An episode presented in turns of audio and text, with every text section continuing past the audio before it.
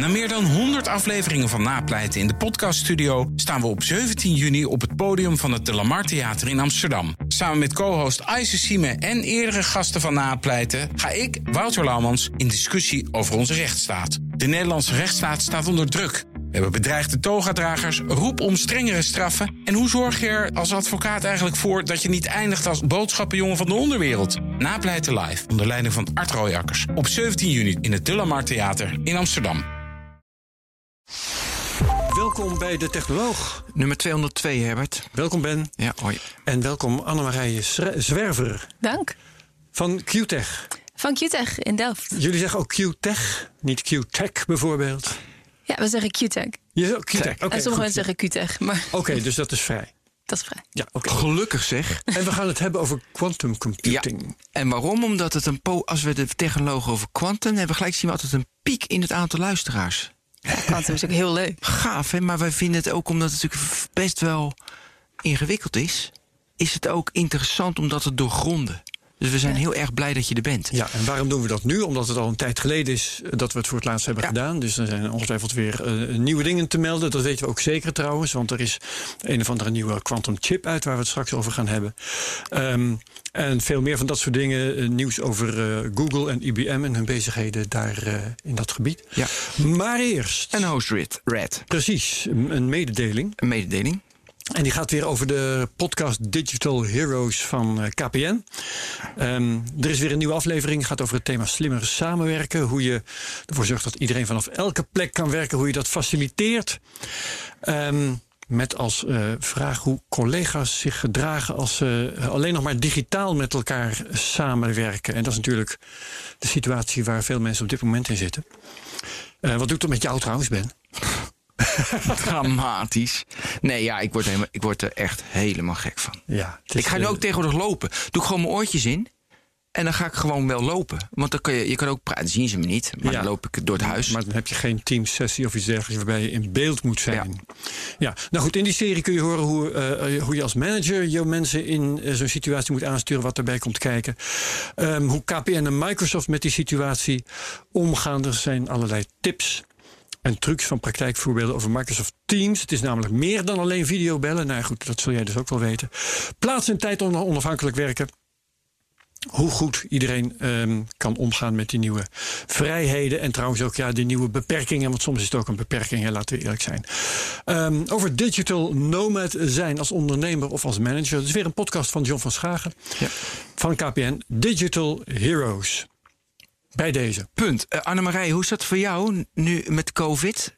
Eh, eh, alles. Ja, wij Dus gaan werken... jullie naar. Hoe mogen jullie naar het lab? We mogen naar het lab, maar er mag maar een aantal mensen in het lab zijn. Dus we hebben eigenlijk alle metingen kunnen we eh, op afstand doen via, via remote login, zeg maar. En eh, dus eigenlijk zitten we thuis eh, onze kwantumdeeltjes aan te sturen, die in Delft heel erg koud zijn. Ja, want dat vond ik wel aardig. Dus dat Frans van Hout zei bij Buitenhof afgelopen week... dat hij bij R&D, creatieve processen... vond hij het best wel kansloos om thuis te werken. Ik onderstreep dit trouwens. Dus daarom vroeg ik het ook. Weet je, hoeveel moet er synergie ontstaan tussen zo'n vakgroep... en hoeveel is het er ook gewoon aansturen met een, met een computer? Ja, dat is een goed punt. Ehm, dus, dus wat ik merk is dat heel veel goede ideeën eigenlijk tot stand komen door kleine gesprekjes op de gang. Ja, en die missen we nu natuurlijk eigenlijk totaal. Ehm, en ik merkte Ja. echt van de zomer, toen we allemaal weer wat meer wel in het lab waren, dat dat ook allemaal in mijn ogen weer veel dynamischer ging. En nu is het allemaal weer ja, net iets moeilijker. Ja. Het, En ik is wil zo, ja. meteen, omdat jij dat eh, zelf ook al... Je, je, je zei al dat je van thuis af je quantumcomputer kunt gebruiken. Hè? Ja. Ehm, iedereen kan dat, heb ik vernomen. Dat klopt. Heel leuk. En dat is eigenlijk een van de leukste dingen die ik, eh, die ik hier over het voetlicht wil krijgen. Want ehm, er is dus een site. Jij weet hem uit, uit je hoofd. We zetten hem in de show notes. Maar ik heb hem in mijn aantekeningen even niet bij de hand. Quantum Inspire. Quantum Inspire. Quantum-inspire.com. Oh, dat is hem, ja. En Precies. ik zit er nu in. En ik dacht aanvankelijk toen ik eerst keek. Jij zit echt te glunderen, nou, dat vind ik leuk. Ehm, ik dacht, het is een simulatie. Maar het is geen simulatie. Je zit dus echt gewoon een quantumcomputer aan te sturen. Dus leg uit hoe dat werkt. Ja, je zit echt een kwantumcomputer aan te sturen. Zal ik beginnen over Quantum Inspire of eerst beginnen over hoe kwantumcomputers zelf werken? Ehm, Dat weten wij al lang. dat Nou, Nee, nee, nee. nee. Leg, voor, voor zover dat binnen een half uur kan, leg dat eerst maar even uit. Ja. Dat kan zeker. Eh, ehm, ja, dus waarom willen we een quantumcomputer eigenlijk? We hebben tegenwoordig allemaal natuurlijk een telefoon waar miljoenen, miljarden kleine bits in zitten. En, en die mobiele telefoons die worden steeds beter. En uh, dat weten jullie vast, maar dat gaat eigenlijk volgens de wet van Moore. Hè, wordt het, uh, die Elke zegt twee ongeveer, jaar weer twee precies. keer zoveel of anderhalf keer, weet ik veel. Ja, maar, precies, dat het de helft zo klein wordt. Exponentiële groei. Exponentiële groei. Maar ondertussen worden de transistoren, dus de, de bits in je telefoon, worden zo klein dat ze eigenlijk de grootte van een atoom uh, beginnen te benaderen. En dan moet je gaan oppassen, want als, als, ja, als je op atomaire schaal gaat kijken, dan komen de kwantumwetten eigenlijk. Uh, ja. In play. In place. Even, ik onderbreek je, mijn excuses. Maar dan wordt weer uh, Apple Speed, Speed, Speed, Speed. Apple Keynote. En dan, ik heb het even niet nu uit mijn hoofd. Maar ik vond dat het heel mooi. Dan gingen ze voor 9 nano mm, iets. Je hebt het over het laatste Apple event. Ja, laatste, nieuwe ja, product, ja, precies. iPhone 12 event. Okay. Dan gaan ze van 9 naar 7. En, eh, nanometer? ja, naar nanometer oh, ja. gaan ze naar 5. Ja. Die bedoel je? Ja, ja, nanometers. Die bedoel, ja, die bedoel ik. En wanneer wordt het. Uh, is het bij 9 atomair of is het bij 7 of bij 5? Ja, dat, dat is een hele goede vraag. Wij zeggen altijd de nanometerschaal. Ook oh, dan al? Dan al. Uh, dus, dus wij werken zelf met elektronen. Dat zijn hele kleine deeltjes. Dat is zelfs femtometer. Dus dat is 10 tot min 15 meter. Een miljoen keer kleiner dan een nanometer. Woeptie. Maar uh, we hebben ook kwantumdeeltjes die werken op veel grotere schaal. Dus die zijn al micrometer. Dus het probleem ontstaat nu in, in, mijn, in mijn iPhone. Want voor mij heb ik nu een chip van 7 nanometer uit mijn hoofd. Nou, dan moet je wel gaan oppassen. Dan moet je op. En wat gebeurt er dan? Wat voor gevaar dreigt er? Nou ja, het gevaar aan. Eigenlijk is het juist heel interessant, dat zeiden jullie net al. Dan komen de wetten van de kwantummechanica. En uh, ik zeg altijd dat dat zijn eigenlijk drie tegenintuïtieve dingen die er dan gebeuren. Uh, dus als je deeltjes hebt op zulke kleine schaal. Uh, en dat, dat is in de andere twee podcasts vast ook al. Ja, maar de herhaal maar vinden we hartstikke leuk. Maar um, dan, dan kan een deeltje in, in verschillende toestanden tegelijkertijd zijn. En dat, ja, voor mij is dat echt buiten wat, ik me kan voorstellen. Want, want als ik bijvoorbeeld een bal zie en ik zeg die bal is rood, dan is die bal heel duidelijk rood of hij is heel duidelijk groen. Maar een kwantumdeeltje kan dus rood en groen tegelijkertijd zijn. Uh, en ja, dat vind ik heel bijzonder. Maar, en dat is eigenlijk het tweede punt, op het moment dat je dan gaat kijken en gaat vragen welke, welke kleur ben je, ben je rood of groen of allebei, dan kiest hij een kleur. Dus dan, dan vervalt dat deeltje eigenlijk naar één specifieke toestand, waar hij dus of alleen nog maar rood is of alleen nog maar groen. En dat is eigenlijk best wel gek, want waarom, hoe weet dat deeltje dat ik aan het kijken ben? En, en waarom vervalt hij dan in één keer? Uh, en, en, het derde bijzondere is uh, entanglement, verstrengeling. Dus dat is eigenlijk als je twee deeltjes hebt, twee van die kwantumdeeltjes, die dan allebei in zo'n superpositie zijn. Die kun je dan bij elkaar brengen. En dan kun je ze, um, ja, dan, dan, dan verstrengen ze met elkaar. En dan zijn ze eigenlijk allebei rood en groen tegelijk. Kun je ze heel ver van elkaar vandaan brengen.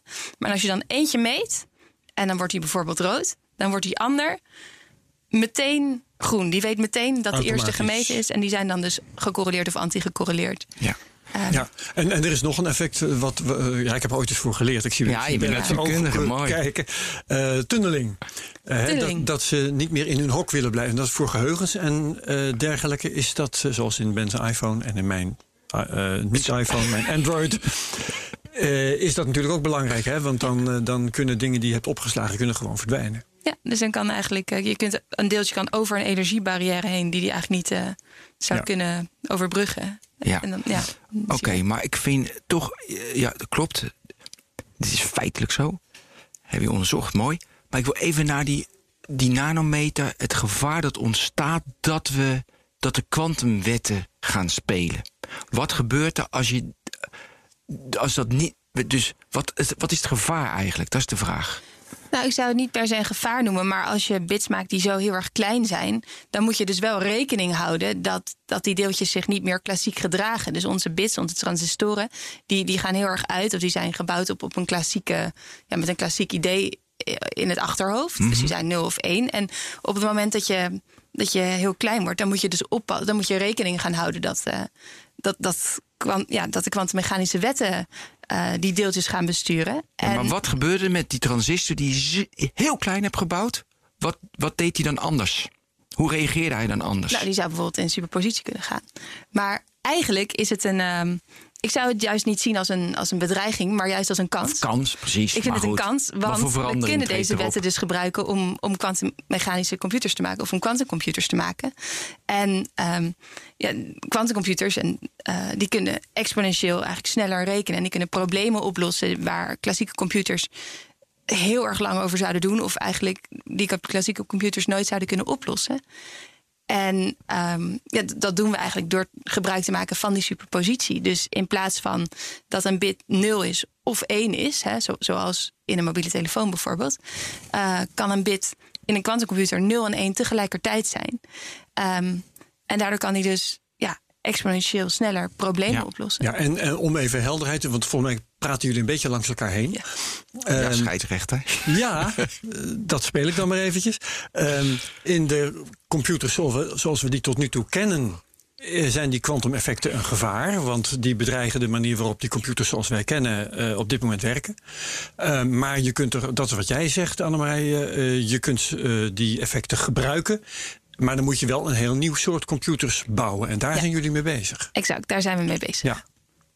Ja, en daar, eh, dat vinden we ook heel interessant. ehm, omdat we dus denken, of het vooruitzicht is dat we daar heel veel nieuwe dingen mee kunnen. Het opent een heel nieuw veld. Ja. Dus, dus je kunt het een beetje zien als eh, computers worden steeds sneller. Dus, dus eerst hadden we een telraam en nu hebben we een computer. Of eerst kon je fietsen en nu kun je met een soort Ferrari heel hard eh, over de snelweg racen. Maar een kwantumcomputer is echt iets fundamenteels nieuws. Dus dat is meer, in plaats van autorijden kunnen we nu in één keer vliegen. En kunnen we ja, Ja. problemen oplossen waar, waar eh, normale computers die, die, die nooit zouden kunnen Ja, oplossen. en dat, is, de, eh, die vergelijking daar maak, maak ik meteen gebruik van. Eh, want niemand gaat naar de bakker met een Boeing 747. Hè? Nee. Eh, dus en, en de- de- in het voorgesprek kwamen wij er ook al zo'n beetje op uit. Hè? Je gaat eh, hoogstwaarschijnlijk kwantumcomputers niet gebruiken voor tekstverwerking Exact. of iets dergelijks. Nee, nee, dat denken we niet. Zeker niet. Dus op dit moment voorzien we dat we kwantumcomputers vooral gaan gebruiken. En dit is een beetje koffiedik kijken, hè, want het is allemaal nog, nog waarschijnlijk in de, ver in de toekomst. Maar om, om vooral optimalisatieproblemen op te lossen, ehm, om, om ja, problemen op te lossen die, die exponentieel schalen. Eh, dus die elke keer. Dus een voorbeeld hiervan is. eh, ik heb me laten vertellen dat. Ik weet niet of het waar is, maar ik geloof het graag. Dat eh, de helft van alle ruimte. eh, in, in supercomputers die er, die er aanwezig is, dat die gebruikt wordt om moleculen te simuleren en moleculen door te rekenen. Ehm, en dat kunnen supercomputers best oké. Ehm, tot op een bepaald aantal atomen. Dus bijvoorbeeld het cafeïnemolecuul kunnen ze nog doorrekenen. En dat is best interessant. Maar wat nog interessanter zou zijn, is bijvoorbeeld om te kijken wat penicilline doet en, en wat dat in Ja. je lichaam doet. Alle eiwitten. Exact. Ja. Maar dat is al veel ingewikkelder. En, en dat kunnen supercomputers al niet meer doorrekenen. En een kwantumcomputer, omdat, dat, eh, omdat dit problemen om, om atoom of moleculen door te rekenen, dat is een probleem dat exponentieel schaalt. En omdat kwantumcomputers eh, zelf ook eh, ja, met, met het aantal qubits dat ze hebben, of quantumbits, exponentieel schalen, kunnen ze dit soort problemen waarschijnlijk zeer efficiënt oplossen. Dus kunnen ze waarschijnlijk gebruikt worden om efficiënt moleculen door te rekenen. Ehm, dat soort dingen. Ja. En ehm, die eenheid, die qubit, waar je het nu al een paar keer over hebt gehad, dat is wel een interessant ding. Hè? Dat is, eh, komt ongeveer overeen met, eh, tenminste in, in zijn rol in het geheel, met de bit in eh, de ouderwetse computer. Ja. Maar het zit anders in elkaar. Dat zijn dus die dingen die in eh, weet ik hoeveel toestanden kunnen zijn, in plaats van alleen maar in twee, zoals wat we tot nu toe eh, eh, hadden. Exact. Dus inderdaad, in een normale computer kan een bit 0 of 1 zijn. En in een kwantumcomputer kan een bit 0 en 1 tegelijkertijd zijn. En ehm, je kunt dat eigenlijk een beetje voor je zien dat als je. Ehm, nou, dan heb je twee toestanden. Ja, kun je eh 0 en 1 tegelijkertijd zijn. Maar als je twee bits hebt, dan kun je al in vier toestanden tegelijkertijd zijn. Namelijk 0, 0, 0, 1, 1, 0 en 1, 1. En zo, nou, met drie qubits kun je al in acht toestanden tegelijkertijd zijn, et cetera. En we zien dat altijd een beetje voor ons. Dat een, stel je hebt een doolhof met allemaal verschillende wegen. En eentje leidt naar de uitgang. Dan zal een normale computer zal dus om de beurt elke weg eh, bekijken. En dan op een gegeven moment komt hij nou, bij de uitgang uit. En een kwantumcomputer die zal dus eigenlijk, omdat, ze, omdat die 0 en 1 of om al die toestanden tegelijkertijd kan zijn, zal een kwantumcomputer eh, al die wegen tegelijkertijd doorrekenen. En die heeft dan ook maar één qubit nodig om dat hele doolhof te analyseren. Nee, die heeft dus wel nou- meer qubits nodig. Oké, dus dat stel ik het alweer te simpel voor. Ja. Ehm, Mag ik even een, Ja. een side, want ik moest denken toen je had over snelheid. Toen dacht ik heel erg. Eh, deze week natuurlijk, de- dan kom ik weer op de iPhone 12 keynote. Maar goed, daar zit ik dan zo'n hele week v- vol mee. En wat natuurlijk een van de in- interessantste dingen was, dat ze alleen maar 5G, 5G, 5G. En dan bouwen ze wel een chip erin, de data storage, de, weet- de, de reducer, weet ik niet meer uit mijn hoofd hoe die chip heet. Maar die, die, dus 5G gaat alleen maar aan als je 5G nodig hebt. Oh ja. Dus bij heel veel toepassingen heb je geen 5G nodig. Dus dan ga je gewoon weer naar 4G. is niet Toen wel. dacht ik van, maar om de batterij te besparen. Toen dacht ik, wat een lulligheid. Nee, ja, weet je, je moet dan ook een batterij maken die, die altijd die snelheid aan kan. Maar dus, er zit eigenlijk, je hebt heel vaak 5G helemaal niet nodig voor 9 van de 10 dingen. Het is al snel genoeg. Eh, 4G is vaak sneller dan wifi, eh, noem allemaal maar op. Dat vond ik leuk met jouw toepassingen. Dat je nu op zoek bent naar toepassingen, dat die er zijn. Ik had even bij IBM, maar daar komen we zo op. Weet je, dan hebben ze bij ExxonMobil, dat je, dan gaan ze, de weet je, dan gaan ze chemische simulaties gaan ze draaien. Denken ze met quantum, of dat doen ze nu al. Maar die toepassingen moet je die echt zoeken.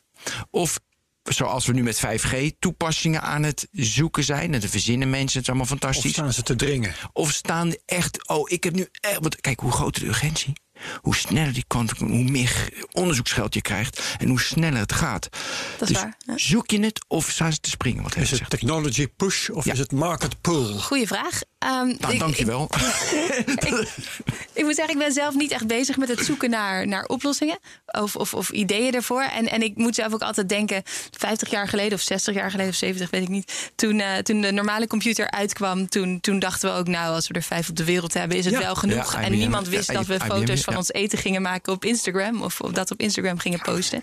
Dus, dus allereerst denk ik dat er waarschijnlijk heel veel toepassingen zijn die we nu nog totaal niet voorzien. Dus hetzelfde. Is Net zoals met 5G dus. ja, precies. Als het er is, dan krijgen we heel veel toepassingen. Dat Bijna denk ik. Altijd met technologie. Dat denk ik. En natuurlijk is er wel de, de potentie of het idee van welke toepassingen er al zijn. Wat maakt dat een aantal grote bedrijven er nu al wel heel erg in geïnteresseerd zijn. Ja, en nu met die qubits, want daar waren we mee bezig. Dan hoor je altijd van, wow, we kunnen nu 5000, we kunnen nu 10. Weet je, is, het is een strijd. Hoeveel? Ook weer een getal. Ja, Kun je daar meer over vertellen hoe die strijd gaande is? ja nou, dat is, dat is wel eigenlijk een goede, ja, een goede vraag. Dat is een interessante vraag. Want ehm, er, er wordt in de, ja, in de media vaak bericht van... oh, we hebben nu nog meer qubits. En eh, Google heeft er nu, weet ik veel, 53. En, en IBM heeft er nu weer 60 of zo.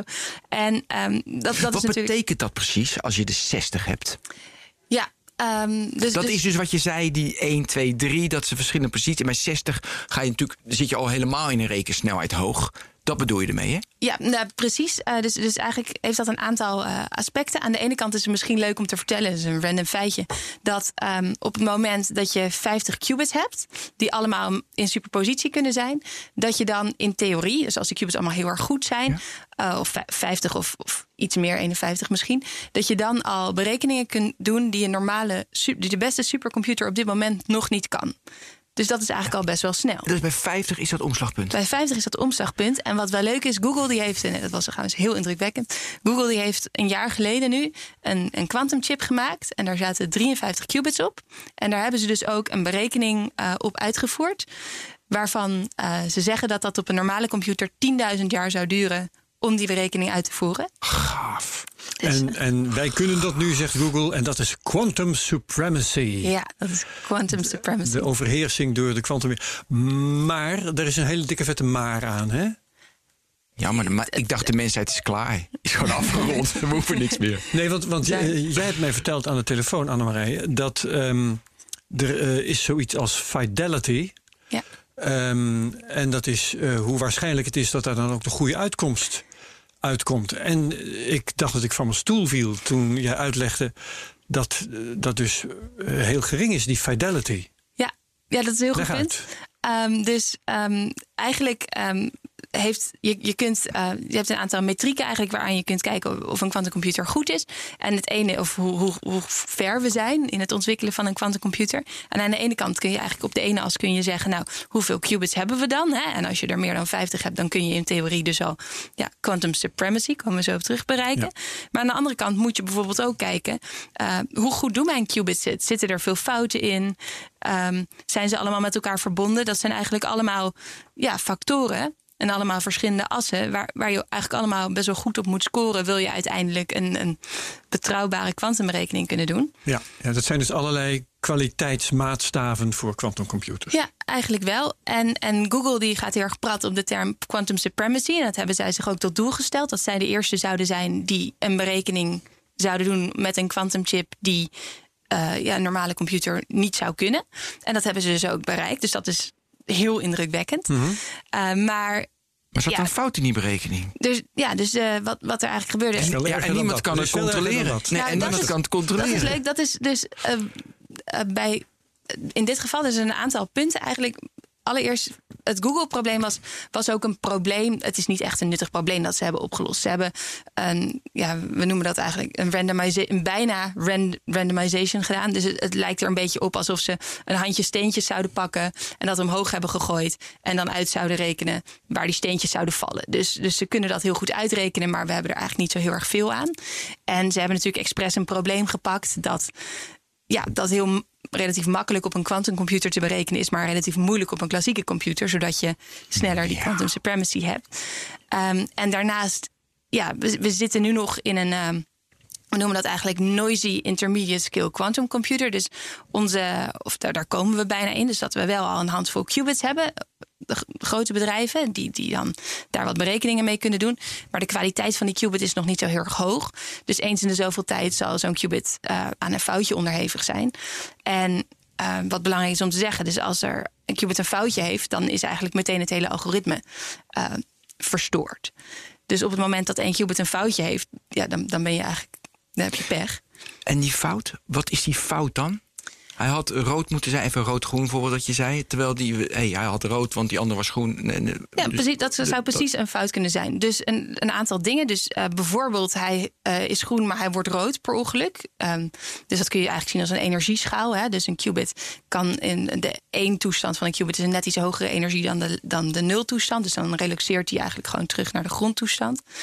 Ehm, maar qubits zijn natuurlijk ook heel, heel, heel erg klein. En omdat ze zo klein zijn, zijn ze ook heel erg gevoelig voor alle soorten ruis uit de omgeving. Daarom Ik ben wel hebben ze- blij dat ze fouten maken.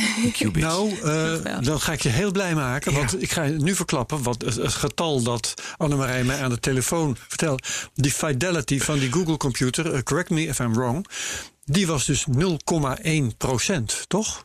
Heb ik dat goed nou, begrepen? Moet ik goed nadenken? Ja, dat klopt. Dus eens in de duizend keer, eens of twee keer per duizend keer eh, had hij het goede antwoord. Hoor je dat? je hoorde het goed. Maar ehm, wat Echt, natuurlijk. Ja, dat, is, dat, De- de- dat, de klinkt, dat Ja. klinkt natuurlijk wel Heel slecht. best wel slecht, ja. Ehm, maar het leuke is, deze berekening kan best wel snel. Dus als je deze berekening heel vaak herhaalt, dan kun je statistiek verzamelen. En dan zal uiteindelijk dus, nou, als je het. Oké, 10.000 keer is misschien nog te weinig, maar als je heel vaak die berekening herhaalt, dan zal alsnog het goede antwoord het vaakst eruit komen. Ja. Ook al heeft hij zo'n laag. Maar dan moet je het heel veel vaker dan duizend keer doen. Want Ja. wil je daar eenmaal statistiek op kunnen bedrijven, dan moet je dus. eh, nou Ja, maar dat kan je ook een weer beetje 10 miljoen keer Ja, precies. Ja, maar dan ga je dus wel een eh, redelijk een aantal factoren 10 van je voordeel toch weer kwijtraken. Want Ja, hij was maar, zoveel sneller. maar op zich, als je een berekening normaal 10.000 jaar zou duren, wat, wat Google zegt, hè, dat de berekening op een normale computer 10.000 jaar ja, zou dat is duren. met die steentjes hè, waar ze vallen. Ja, Ja. Eh, precies. En eh, nu duurt het, ik weet niet precies hoe lang het duurt, maar, maar zeg even honderden milliseconden. Dan, ja, dan maakt het eigenlijk niet uit Ja, of je dan doe je maal een miljoen en dan kom je nog in de orde van eh, nou ja, een, eh, een uurtje of zo kom je Ja, uit. precies. D- Dus dan. Oké, dus Ja, Goed. Maar even, is het ook 53, dan is de fout, maar dan, dan gaan ze eerder fout? Of is het echt de omstandigheden? Dus heb je er eentje van vijf of acht of, of, of tien die wel eh, beter is, die minder fouten maakt? een, een quantum chip, die, Ja? ja? ja, die bestaan al wel. En die zijn miscure. Eh, ja, dus, dus eigenlijk wat ik net zei, de, die verschillende assen. Dus Google die gaat heel erg praten op de term quantum supremacy. Yes? Maar er is ondertussen is er een aantal andere termen alweer bedacht om, om ja, hoe zeg je dat? De kwaliteit van je quantumcomputer aan te geven. Ja. En een daarvan is quantum volume. Ik denk dat die door IBM in het leven is geroepen. IBM en Google zijn hier sowieso natuurlijk een beetje de concurrenten. ja. Ehm, en quantum volume die houdt dus zowel rekening met ehm, op, ja, hoe, hoeveel qubits je hebt, maar ook hoe, wat de kwaliteit is. Dus komt er eens in de tien keer een foutje voor, of eens in de honderd keer, of eens in de duizend keer. En ehm, ook ehm, hoeveel qubits zijn met elkaar verbonden. Want als je 100 qubits hebt, maar ze zijn allemaal alleen maar met hun buren verbonden. Ja, dan is het alsnog, heb je er weinig aan. Terwijl als ze allemaal met elkaar verbonden zijn, heb je natuurlijk. Ja. Ja, kun je Dit vind ik dus heel erg interessant. Want we hadden het net ook over de tijd dat de computers die we nu kennen eh, eh, nog maar net bestonden. Hè? Ja. Nou, in die tijd was het ook van nou ja, hoeveel kilobit of, hoeveel bits geheugen heb ik, hoeveel kilobits geheugen heb ik. Eh, ik herinner me uit de tijd van nou ja, de- dat, dat ik een beetje met dit soort dingen be- begon bezig te houden. Dat het ging over de, hoe heet het ook weer, de kloksnelheid van de processor. Oh ja. Weet je wel? Zo heb je allemaal factoren. Het geheugen van je grafische kaart. Ga zo maar door. En nu hoor ik allerlei eh, maatstaven die eh, belangrijk zijn voor quantumcomputers. Maar dat betekent dus dat dat ding eh, nou, bestaat in de eerste plaats en in de groei is. En dat de wetenschap, waar Annemarijn ons nu eh, van alles over vertelt, dat die bezig is om nou ja, daar eh, wat van te maken. Hè? Zeker, ja. Precies, dus je hebt het aantal qubits en het aantal verbindingen hoor ik net. Eh, de betrouwbaarheid ervan. ja. Zijn er nog meer? Ehm, ja, dus een, een laatste. Dit zijn denk ik de drie grootste factoren. En dan, dan heb je nog de, ja, de crosstalk. Hoe zeg je dat? Hoeveel de. Als je, Ja. als je een berichtje aan één qubit wil sturen, dat het dan per ongeluk ook een heel klein beetje bij een andere qubit aankomt. En dat die, dat nou, die dat dan vind ik betrouwbaarheid, vind ik. Ja, dus dat is een beetje betrouwbaarheid. Dat is een, een, eigenlijk een secundaire, hoe noem je dat? Een, ja, Nou, kan. Eigenschap. eh, secundaire betrouwbaarheid. Ehm, en wat, wat denk ik ook nog wel belangrijk is, en dat is weer een andere term. Eh, dus, ja, er, er worden ook veel verschillende termen poppen er nu natuurlijk uit de grond om, om te kijken hoe we nou de betrouwbaarheid kunnen. En dat is quantum extensibility. Ehm, en dat is meer, eh, die term komt trouwens uit Delft. En dat is ook om te kijken. Eh, dus als je nu een qubit hebt, dan heb je eigenlijk best wel veel overhead. Dus bijvoorbeeld ehm, per qubit gaan er. Dus allereerst misschien belangrijk om te zeggen dat qubits die, omdat ze zo snel verstoord worden, moeten ze heel, heel, heel koud worden gehouden. Dus in Delft Oh ja, hebben we leuk. hele grote Ja. koelkasten. En die gaan naar eh 15 millikelvin boven absoluut nul. Dus dat is min 273 graden Celsius. Dat is krankzinnig. Het is echt heel koud om maar te zorgen dat, ja, dat er geen temperatuurverstoringen komen in die qubits. En ehm, even denken, waar gingen we naartoe? Oh ja. Ehm, en ja, die qubits in die koelkast die moeten aangestuurd worden. En er gaan per qubit, denk ik wel, gemiddeld zo'n twee of drie ehm, ja, controllijnen, aanstuurlijnen de koelkast in. Nou ja, je kunt natuurlijk wel eh, bedenken dat, dat als we dan 100 qubits hebben, nou ja, 300 lijnen kan misschien nog wel, maar voor 3 miljoen qubits, je wil niet 3 miljoen lijnen of, of 5 miljoen lijnen gaat echt om eh, fysieke gebruiken. draden of iets dergelijks Ja, die om- die kast ingaan. Precies, precies om, om echt om fysieke draden. En ehm, dus, dus een andere term, quantum extensibility, is eigenlijk een beetje, ehm, heb ik me laten vertellen, zoals, zoals Rand's rule, die ook kijkt in normale computers, hè, hoe, hoe de input-output lijnen zich verhouden tot het aantal bits. Eh, om te kijken, kunnen we nou die overhead verminderen? En kunnen we kijken of we minder lijnen de koelkast in kunnen krijgen, maar wel nog al onze qubits eh, individueel Ja. kunnen aansturen. Ehm, dat zijn eh, dat is, ja, nog, een, nog een factor die blijkbaar belangrijk is, hoe koud je hem moet maken. Ja. Ehm, daar wordt ook aan gewerkt. Hè? Ik, ik heb begrepen dat het, eh, jij noemt nou eh millikelvins. Ja. Dus het is krankzinnig dicht bij het absolute nulpunt. Maar ehm, het kruipt al een beetje omhoog. Hè? Er zijn nu al qubits, of moet ik zeggen quantum chips of wat dan ook, die wat toleranter zijn en die je maar 4 graden boven de absolute nulpunt hoeft. eh, Ja, dat koelen. klopt. Dat klopt. En dat zou heel voordelig zijn, ik zal er zo over vertellen. Eh, omdat het veel makkelijker is en veel ja, efficiënter om, om op 4 graden boven het absolute nulpunt te koelen. Dat is echt exponentieel makkelijker dan, Tuurlijk. dan heel, heel, heel koud. Ja. Nog kouder. En dat betekent ook dat je eh, je apparaat, als ik het zo mag noemen, ehm, kleiner kan worden. In plaats van eh, een gigantische Ja. koelkast heb je dan een kleinere koelkast nodig, stel ik me voor. Ja. Misschien ook wel minder energie kost om aan de praat te houden. Ja, precies. Dus, dus dat, zijn echt, dat is echt heel belangrijk. En er moet misschien even gezegd worden dat er verschillende manieren zijn om qubits te maken. Ook dus leuk. eh, Dat is best wel leuk. En in, Ja. in, Delft zijn we bijvoorbeeld al aan het kijken naar vier verschillende methoden. Eh, dus we hebben, om heel snel doorheen te gaan, we hebben su superglijdende qubits. Dus dat zijn eigenlijk een soort anharmonische oscillatoren. Dan hebben we qubits in, in, die gemaakt worden van de een defect in diamantjes. Daar hebben we het vorige keer over hebben we het vorige keer over gehad, inderdaad.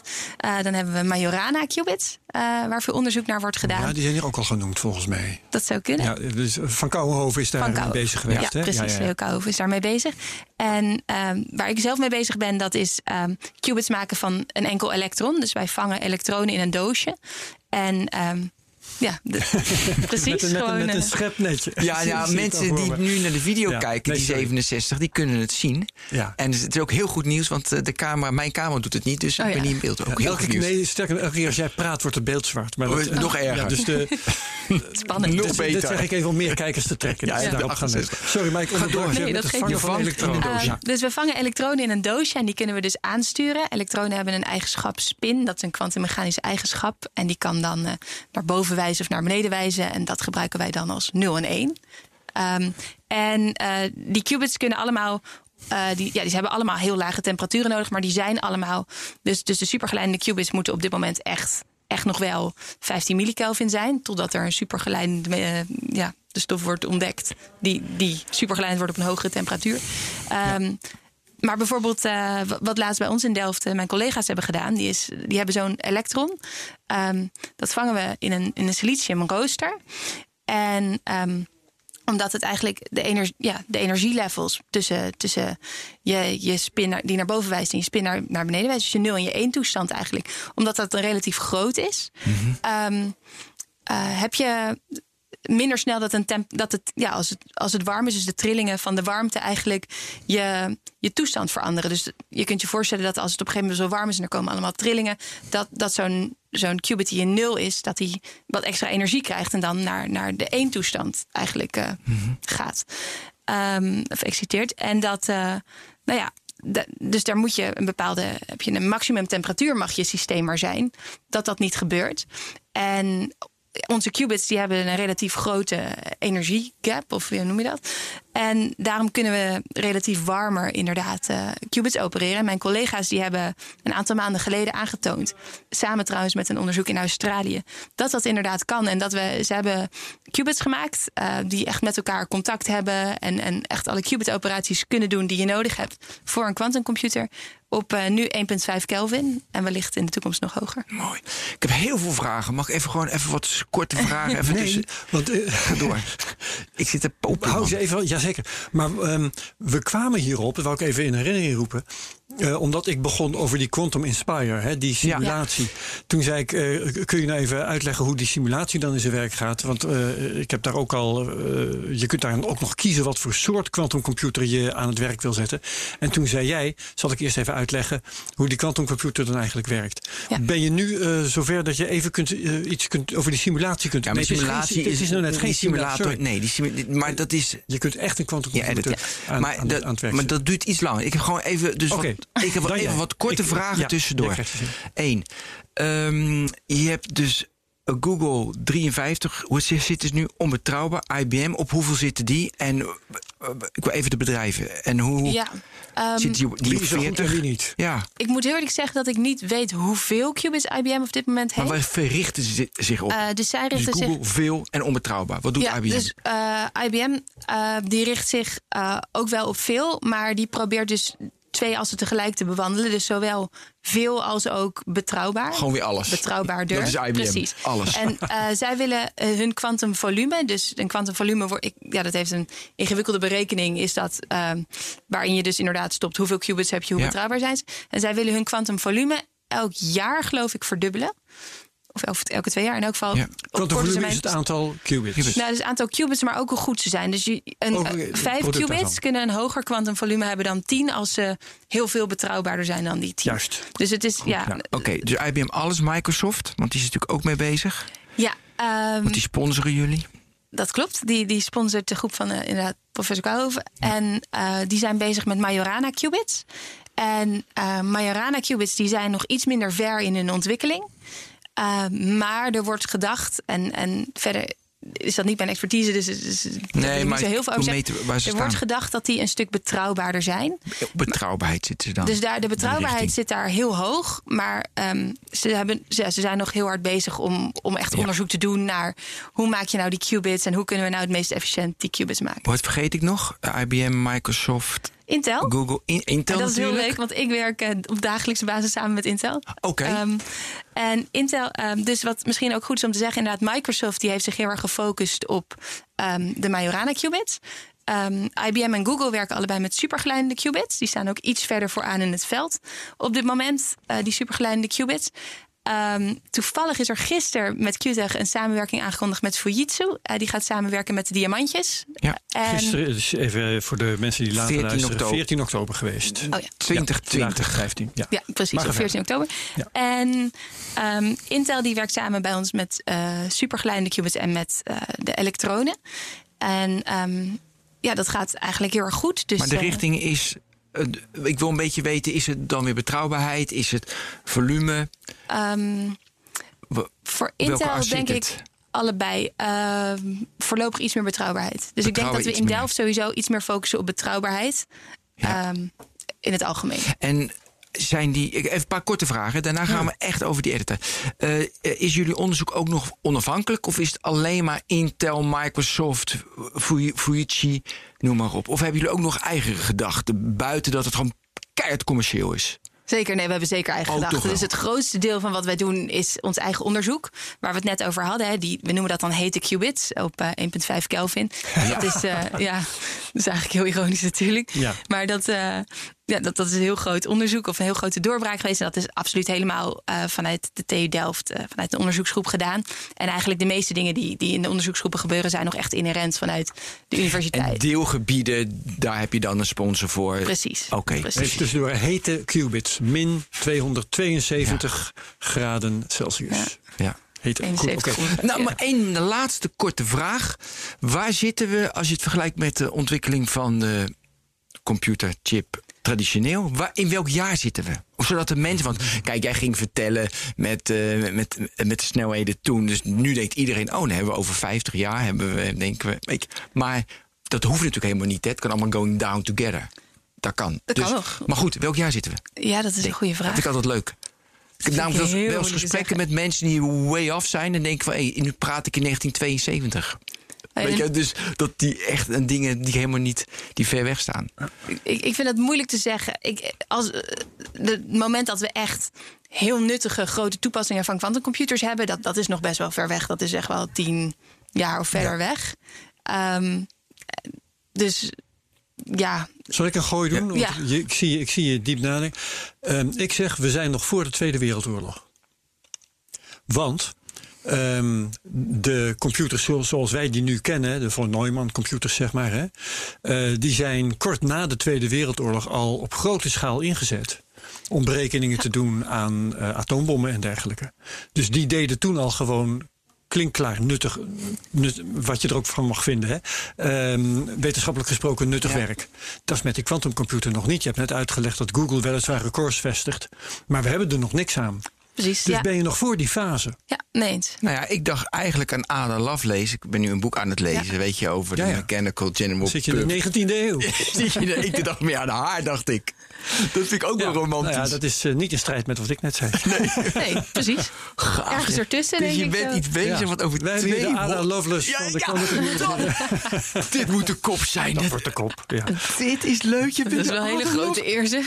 Nee, Helemaal maar, rood meteen. Ja, ja, maar dat is toch geweldig? Dat moet je ook als beeld hebben dat je dat bent.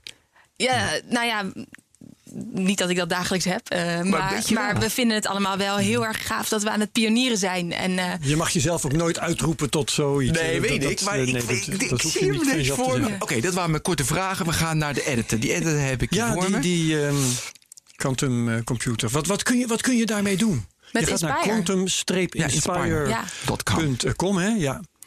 En dan kun je, zover ben ik gekomen, dan kun je kiezen wat voor qubits, wat voor, wat voor qubits wilt u meneer, eh, zeggen ze dan tegen dat mij. is dus al heel en leuk. dan Dus, weet ik het dan weer niet. nee, dus Quantum Inspire is eigenlijk de eerste, eh, het, ja, het eerste mini-quantum computertje Ja. eh, uit Europa in de cloud.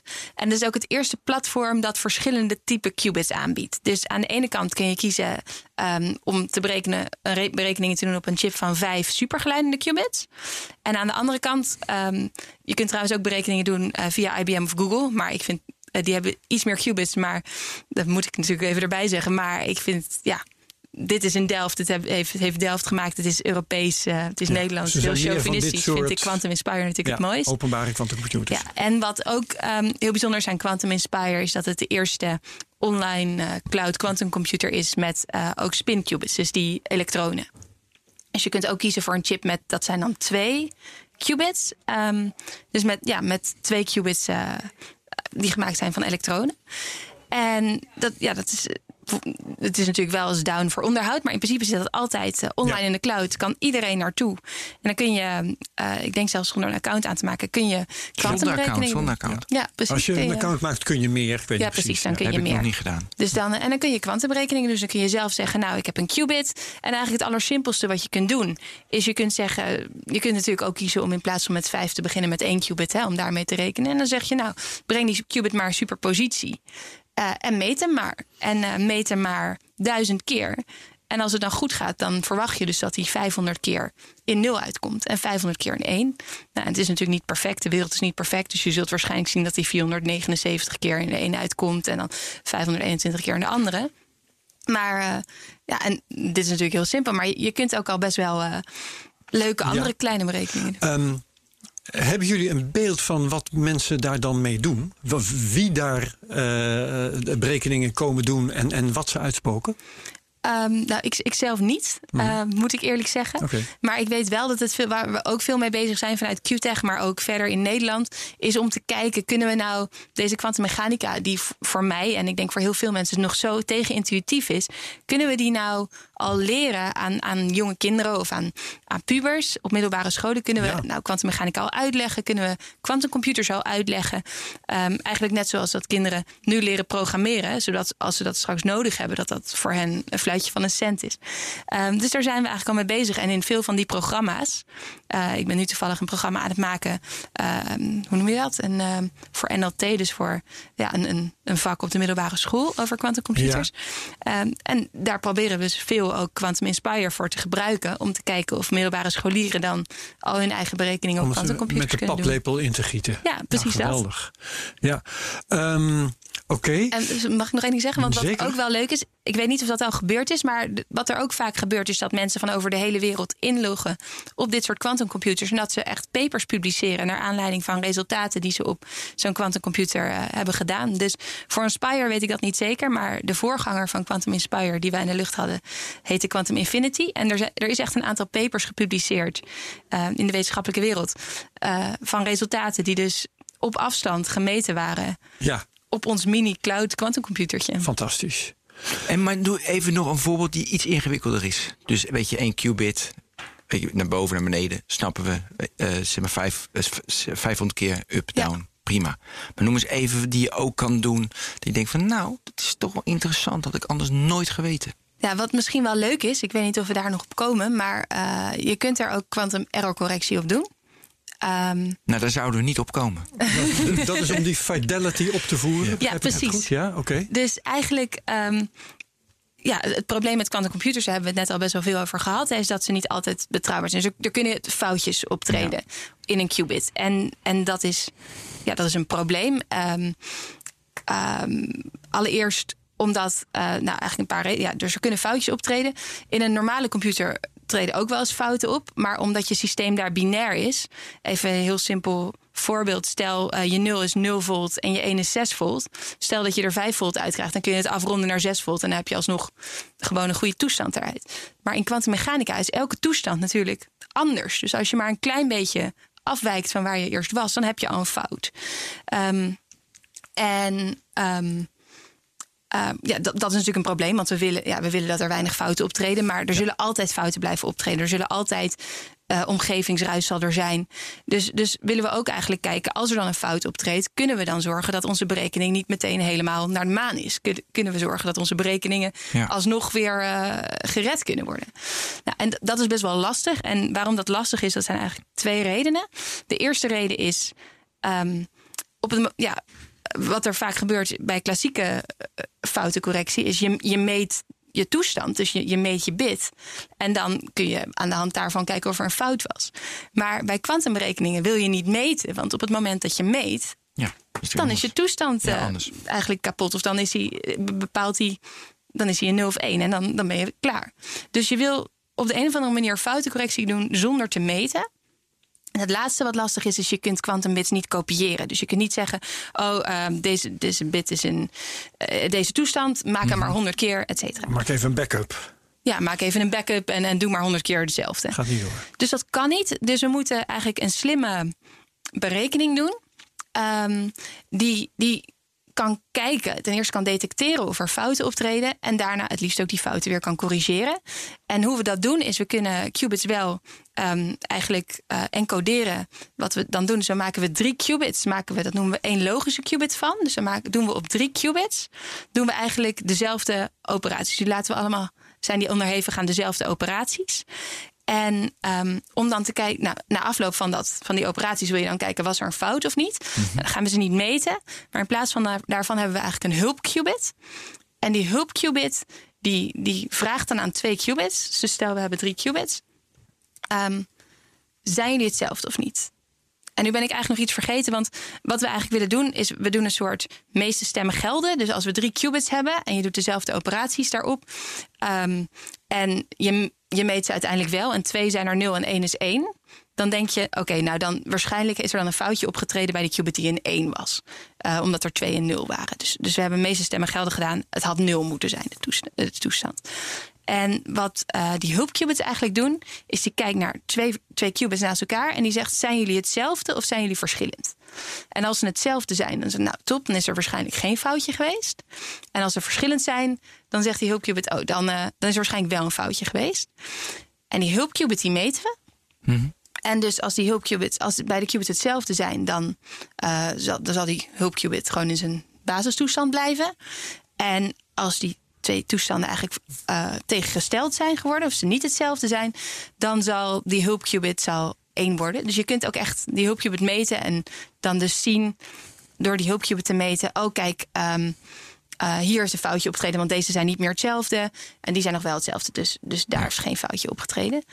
En um, het, het minimale, tenminste vijf qubits, is eigenlijk een heel mooi systeem om te beginnen met die foutcorrectie.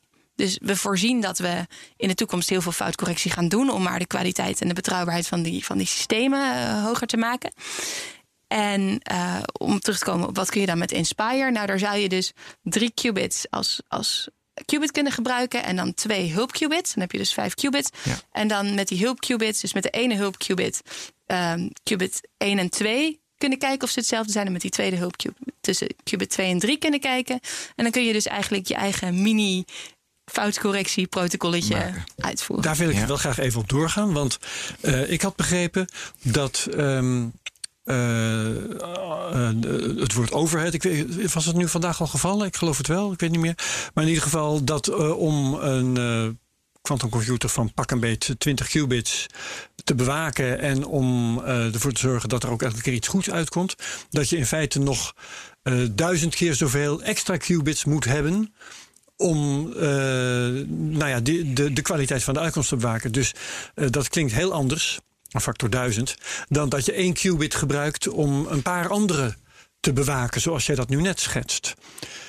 Dus Ja. hoe zit dat? Ja, dat is een hele goede vraag. Ehm, eh, even kijken hoor. Dat, dat is eigenlijk precies waar. Dus wat we nu hebben gedaan is we hebben de toestand van één qubit geëncodeerd in drie, hè, waar we het net over Ja. hadden. Ehm, maar ja, de meeste stemmen gelden. Als je drie qubits hebt, ja, dan de kans dat er misschien twee een foutje krijgen is ook misschien nog een best wel groot. vereenvoudigd voorbeeld. Ja, dat is een vereenvoudigd voorbeeld. En de Precies. praktijk is een stuk eh, weerbarstiger dan dat. Ja, dus, dus eigenlijk is het nog betrouwbaarder als we 10 qubits. Nou, ik wil liever in oneven aantallen praten, want dan heb je altijd eentje meer dan de Ja. ander. Eh, dus laten we zeggen, als we 11 qubits hebben. ehm, en er hebben er drie een foutje, dan, dan is het al de kans groter dat die drie, of als er zijn drie in een andere toestand dan de rest, dat die een foutje hebben gehad. En als je 101 qu- qubits hebt, die je als één qubit gebruikt, dan, dan is de kans nog groter dat je, zeg maar, als de kans op een, een foutje klein is, dan, dan hoe meer qubits je eigenlijk encodeert als logische qubit, hoe, hoe groter de kans is dat de meeste stemmen gelden ook echt een heel efficiënte methode is en dat dat ook echt werkt. Ja. Um, en daarom uh, zijn er nu allemaal uh, ideeën om inderdaad grote, betrouwbare quantumcomputers te maken, waarbij eh, elke qubit dus eigenlijk bestaat, of gewoon logische qubit eh, waarmee je rekent, bestaat uit heel veel fysieke qubits. Die dus eigenlijk allemaal geëncodeerd zijn. Ja, ja, ja, ja, ja. En zorgen Checken. dat het betrouwbaar is. Ja, Maar dat betekent dus dat eh, een echt bruikbare kwantumcomputer nog redelijk ver is. Want eh, wat horen we tot nu toe? Eh, Google en IBM in de orde van 50, 60 eh, qubits. Ehm, als je inderdaad een factor 1000 extra qubits nodig hebt om ervoor te zorgen dat het allemaal een beetje, een beetje goed afloopt. Dat betekent dus dat je pas echt iets hebt. Één ei is geen ei enzovoort. Wanneer je uitkomt op eh, tienduizenden qubits.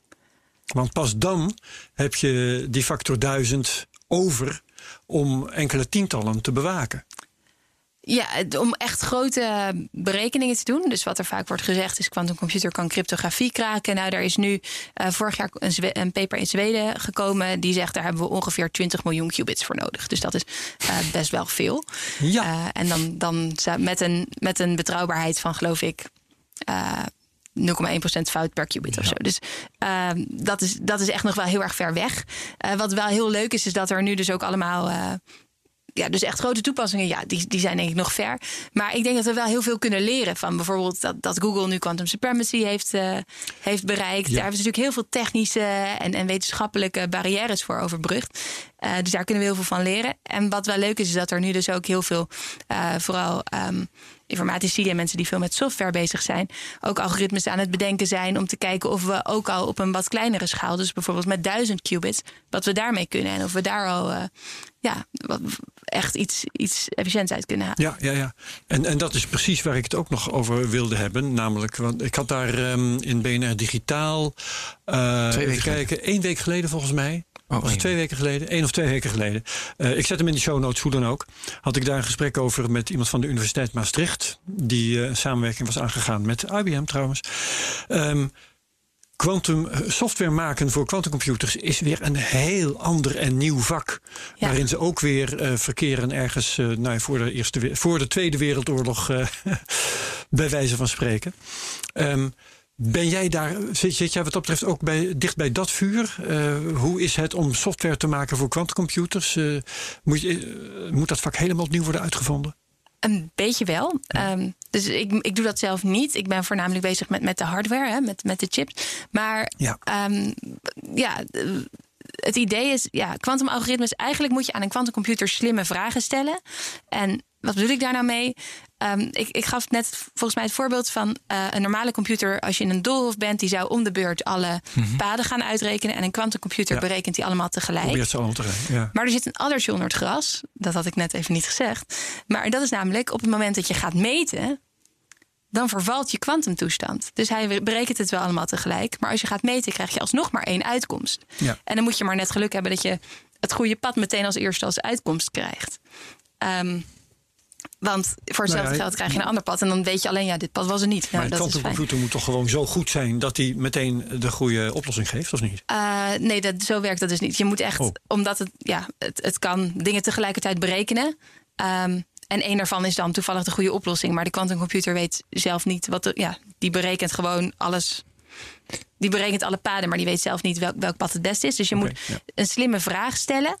Ehm, dus, dus je kunt niet vragen: wat is het beste pad? Want ja, dan krijg je krijgt gewoon een, als je hem meet, krijg je een antwoord. Ehm, maar als je een slimme vraag stelt, dan, dan kun je soms wel het antwoord krijgen. Voor de En, doof, wat is de slimme vraag voor de doof? ehm, voor Dolf weet ik het even niet. Ik heb een voorbeeld eh, met een zak knikkers. Ik weet niet of dat. eh, dus dus ehm, ik zou een spelletje met jullie kunnen doen. En ik zou kunnen zeggen: Goh, ik heb hier een zak met knikkers. En ik heb of. Er zitten vier knikkers in. Ze zijn of allemaal groen. Of ze zijn allemaal rood. Of ze zijn precies de helft groen en de helft rood. En als jullie erachter kunnen komen. Dus eh, allemaal groen of allemaal rood, dan zijn ze allemaal constant. En als de helft rood is en de helft groen, ja, dan noemen we dat noemen we het gebalanceerd. Dan zijn ze half-half. En aan jullie de taak om erachter te komen of ik een constante kleur aan knikkers heb of dat ik het gebalanceerd heb gemaakt. Nou, en dan is klassiek het snelst om gewoon drie, ja, drie knikkers te pakken. Of als je een beetje geluk hebt, heb je de eerste knikker rood en de tweede groen. Maar met pech heb je dus de eerste twee rood en Ja. de derde groen. Ehm, en aan een kwantumcomputer ehm, zou je hetzelfde kunnen vragen. Ehm, En die zou dan dus al die knikkers bekijken. Maar op het moment dat je gaat meten, zegt hij gewoon: ja, knikker 3 was rood. En daar heb je alsnog niks aan. Maar wat je ook aan de kwantumcomputer kan vragen, wat de kwantumcomputer ook kan doen als je een slimme vraag stelt, is. ehm, tel alle rode en groene bij elkaar op. Dus stel, we noemen, eh, we geven rood de waarde min 1 en groen de waarde 1. Als je dan alle rode knikkers optelt, kom je op min 4. En als je op alle groene knikkers optelt, kom je op 4. Maar als, je alle, als er twee rood en twee groen zijn, dan kom je op 0. En als je dan zegt wat is het antwoord, dan krijg je dus of 4 terug of 0 terug. Mooi. En dan weet je het wel. Ja, Ja, ja, ja. dit vind ik mooi. Ja, Mooi ja. voorbeeld. Eh, met over nog over software eh, schrijven. Op de IBM-site staat een beetje code quantum algorithms in Python. Dus de basistaal is dan Python. Klopt Ja. dat of is het PR voor developers? Hoe, kun je dat duiden? Ehm, ja, dat vind ik eigenlijk een best wel een moeilijke vraag. Ehm, omdat ehm, eigenlijk een kwantumcomputer bestaat uit verschillende lagen. Dus je hebt de echte quantumchip. Zoals iedere computer. Sorry? Ja, zoals iedere computer, natuurlijk. Ja, exact. Dus je hebt de quantumchip en dan heb je de koelkast waar die in zit, die hem heel koud houdt. En dan heb je de aanstuurelektronica. En dan heb je daarna eh, ja, de computertaal waarmee je dan die elektronica aanstuurt. Eh, en wij gebruiken daar eigenlijk altijd Python voor in ons lab. En volgens mij, de, ja, dat durf ik niet echt te zeggen, maar volgens mij wel veel labs in de wereld. Maar goed, daar, daar werk ik niet dagelijks, dus dat weet ik niet zeker. Maar er wordt nu wel een aantal ja, soort Specifieke. nieuwe computertalen ontwikkeld die specifiek zijn voor quantumcomputers, zodat eigenlijk weer bovenop Python er dan weer een eh, ja, dat je eigenlijk op een makkelijkere manier je quantumcomputer Ja, kunt aansturen. gespecialiseerde kwantumtalen dus. Ja, eigenlijk wel. Ja, daar gaan we straks mee te maken krijgen. En die middelbare scholieren van jou, die moeten dat leren. Ehm, ja, dat hangt er een beetje vanaf. Als ze quantumcomputers willen aansturen, dan denk ik dat dat eh, uiteindelijk, nu denk ik nog niet, maar straks dat dat volstaat, inderdaad. Ja. Maar voorlopig denk ik dat het ook wel belangrijk is om, om ja, als je echt quantumcomputers eh, wil ontwikkelen, dan, dan is nu Python nog wel belangrijk. Maar ja, Ja, oké. Python, mooi, dat is de basis. Ik heb weer een korte vraag. Wat brengt het een, een scholier, of een middelbare scholier of lager, als hij meer kwantum denkt? Ehm, nou ja, Wat heeft het jou gebracht? Want toen je in het begin over vertelde, je ging helemaal stralen ervan. Ja, ik vind kwant, waarom ik dit eigenlijk doe. ehm, nou, ten eerste ben ik heel benieuwd naar wat een kwantumcomputer dan kan. Maar eigenlijk waarom ik dit doe, is omdat ik zelf heel erg gefascineerd ben door die kwantumwereld. Want de wiskunde staat zwart op wit. De wiskunde van de kwantumwereld klopt precies. Laat het allemaal heel mooi zien. Maar de interpretatie daarvan is, nou ja, beyond me. Het is, ik kan niet bevatten dat iets in twee toestanden tegelijk is. En Ja, dus het leert dan de scholier dat je denkt beyond je, eh, weet je zelf. Je wil alles binnen kaders, lineair denken, want dat is lekker duidelijk. En het is een oefening om way off te denken. Zo zie je dat. Dat eigenlijk wel. Dus, dus ten eerste misschien als ze het al eerder leren... dat, in, dat ze inderdaad wat verruimd worden in hun denken... wat kan een kwantumcomputer dan? Maar we, we, begrijpen kwantummechanica eigenlijk nog helemaal niet. Er zijn verschillende interpretaties van kwantummechanica... die allemaal plausibel zijn. Maar niemand weet wat de echte interpretatie is. En we hopen dat uiteindelijk een kwantumcomputer... ons daar misschien meer duidelijkheid in kan brengen. Maar ik kan me ook voorstellen dat als je... zeg maar voor mij was kwantummechanica toen ik een jaar of 18 was... totaal nieuw en, en heel, mega interessant. Maar, maar ook, ja, ik moest echt een andere manier van denken aannemen om dat te gaan doen. En misschien als je studenten of leerlingen al vanaf een heel jonge leeftijd dit soort dingen aanleert, dat het voor hen helemaal niet meer tegenintuïtief is. Maar dat ze al Ja. veel makkelijker in die wereld kunnen denken. Ja. Ehm, heb jij zelf eh, gedachten over wanneer quantumcomputers gemeengoed zullen zijn? Gemeengoed. Nou ja, goed. Dat is natuurlijk al een beetje als we Quantum Inspire in de lucht hebben. Ja, Ehm, nee, maar, maar dat is ehm, niet- We, we, we hebben, het, het is nu nog object van onderzoek, dat vertel je zelf. Hè. Het is eh, een ding waar nog niet echt nuttige toepassingen voor zijn. Die zijn nog aan het ontdekken waar die eigenlijk voor gebruikt kan worden. Ehm, maar we- ja, hoeveel jaren of decennia moeten we nog verder zijn om bijvoorbeeld quantumcomputers gewoon in de winkel te kunnen kopen, bij wijze van spreken? Dat is eigenlijk mijn vraag. Ja, dat, dat vind ik een heel moeilijke vraag. Dus ja, daar ben ik voor. Ehm, dat kan ik niet echt voorzien. We, we moeten natuurlijk nog heel veel stappen zetten. Aan de andere kant denk ik ook... op een gegeven moment, als je eenmaal redelijk betrouwbare computers hebt... en een flink aantal qubits... dus stel je hebt duizend qubits die heel betrouwbaar zijn... dan is het opschalen denk ik meer een, een engineering taak op een gegeven moment. Ja. Dus dan kan het misschien een stuk sneller gaan. Ehm, Ja. En of we allemaal een quantumcomputer zullen kopen, weet ik niet zeker. Nee, nee, nee. Over 200 dat- jaar misschien. Ja. Maar nou maar even op jouw vraag. Want kijk, als ik gewoon naar die IBM-site ga... dan staan er drie... eh, weet je, eh, er staat een Mercedes, een, een, een ExxonMobil en een Mitsubishi Case... en er staat de batterijen sneller maken. Is, het nu, is dit... Gebruikt de Mercedes, Arne, weet je natuurlijk niet precies... maar zijn er nu bedrijven die echt een quantumcomputer gebruiken... die loggen in en die gebruiken echt berekeningen... want die denken van, hé, hey, dit wordt, dat kan veel sneller en beter... dan de traditionele super, supercomputer. Ehm, een quantumcomputer denk ik niet. Bij mijn weten niet. Het is, dit is. PR allemaal nog, hè? Ja, dit is allemaal PR. En Research. bedrijven willen ook de boot niet missen. Hè? Dus zeker natuurlijk Google en IBM... die zijn hartstikke bang dat als quantumcomputer straks groot wordt... en ze zijn nu niet ingestapt. En dan geven ze geld aan Mercedes en een ExxonMobil... om de Ja, R&D-afdeling mee te laten spelen. Ja. maar dat zit niet...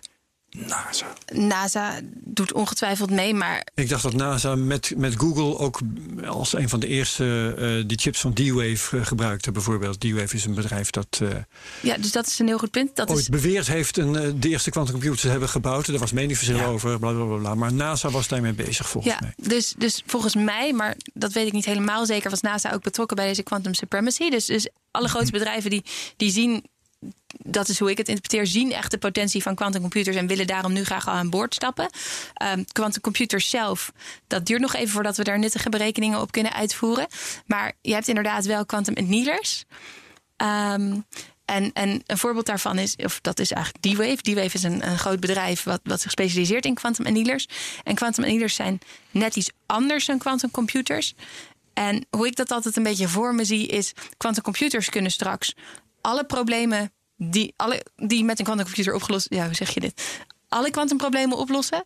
En ehm quantum annealers kunnen alleen maar één specifiek type probleem oplossen. Ehm, het zijn namelijk optimalisatieproblemen. Dus je kunt eh, een bepaald optimalisatieprobleem kun je eigenlijk simuleren op zo'n op zo'n D-Wave. Ja, noem je dat? Dat is dus niet een quantumcomputer. Annealer.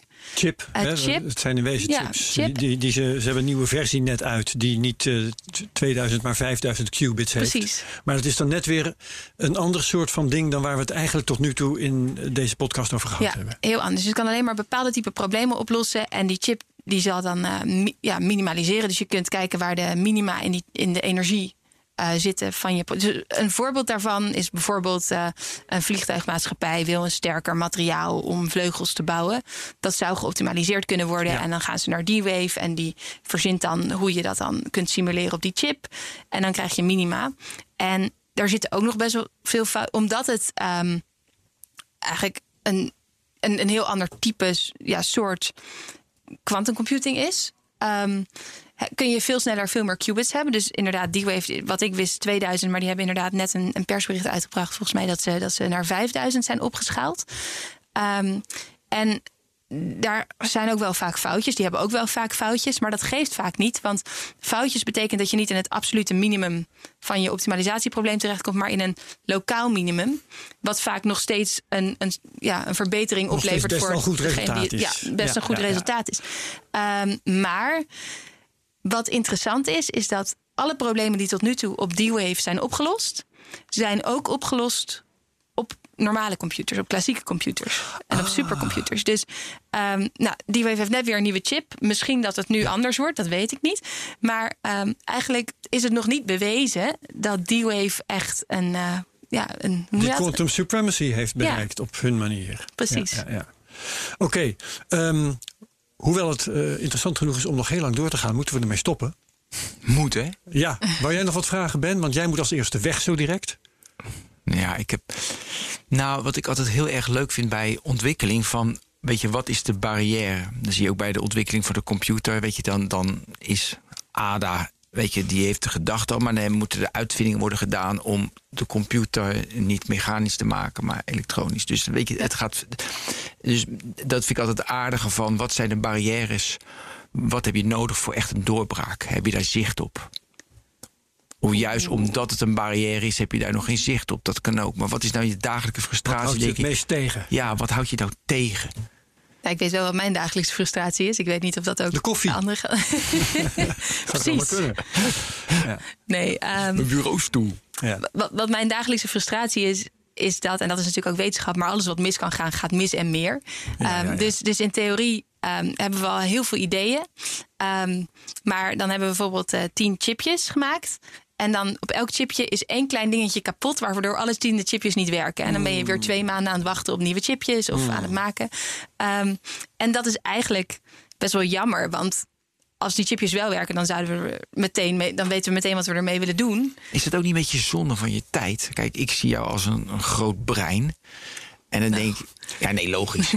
en, uh, maar dan ben je bezig met een chipje dat het niet doet. En dan moet je een stekketje erin en eruit. Of weet je, het is, dat is allemaal. Heb je daar nog geen assistentes voor die dat doen? Of um, hoeveel intellectueel werk moet je echt overdag doen? Hoe is het echt dat je denkt, nou, dit is echt moeilijk? Nou, dat is eigenlijk wel een grappige vraag. Want zelfs bij dit soort triviale dingen. Als ik mijn hersenen uitzet, en dat doe ik vaak genoeg, dan gaat het sowieso mis. Dus dan vergeet ik. Uh, je, je moet echt goed nadenken: heb ik dit stekkertje wel in het goede uh, dingetje gedaan? Wat wil ik meten? Waarom meet ik dit? En dat doe ik natuurlijk eerst altijd vijf keer fout. En denk ik: oh ja, ik heb niet nagedacht. Ja. Daarom werkt het niet. Um, dus ja, zelfs eh, een, een, normale dag kan bestaan uit inderdaad nadenken over dit heb ik gemeten, hoe analyseer ik dit, wat betekent dit nou? Maar een normale dag kan ook bestaan uit wow, eh, onze grote koelkast, daar zit een chip in en we willen die chip vervangen, dus we moeten die hele koelkast uit elkaar schroeven. Ja, dat hadden we voor, dat vind ik wel grappig. En zelfs daar moet je over nadenken, want heb ik dan wel de goede draadjes verbonden? Ja. En, uh, ja. ja. Leuk. Oké. Ja, we hebben het gehad over quantumcomputers met Annemarije Zwerver. Dankjewel. We hebben gehoord dat ze in de groei zijn. Steeds meer qubits, langzamerhand hogere temperaturen. Bedrijven houden zich ermee bezig. Iedereen neemt het echt hartstikke serieus. Dus uh, ja, we blijven het gewoon volgen. We zien je vast een keer terug. Zeker. Graag. Dankjewel Annemarije Zwerver van QTech. Herbert, bedankt. Ben bedankt. Tot de volgende Dit was de technoloog. Tot volgende week. Dag allemaal.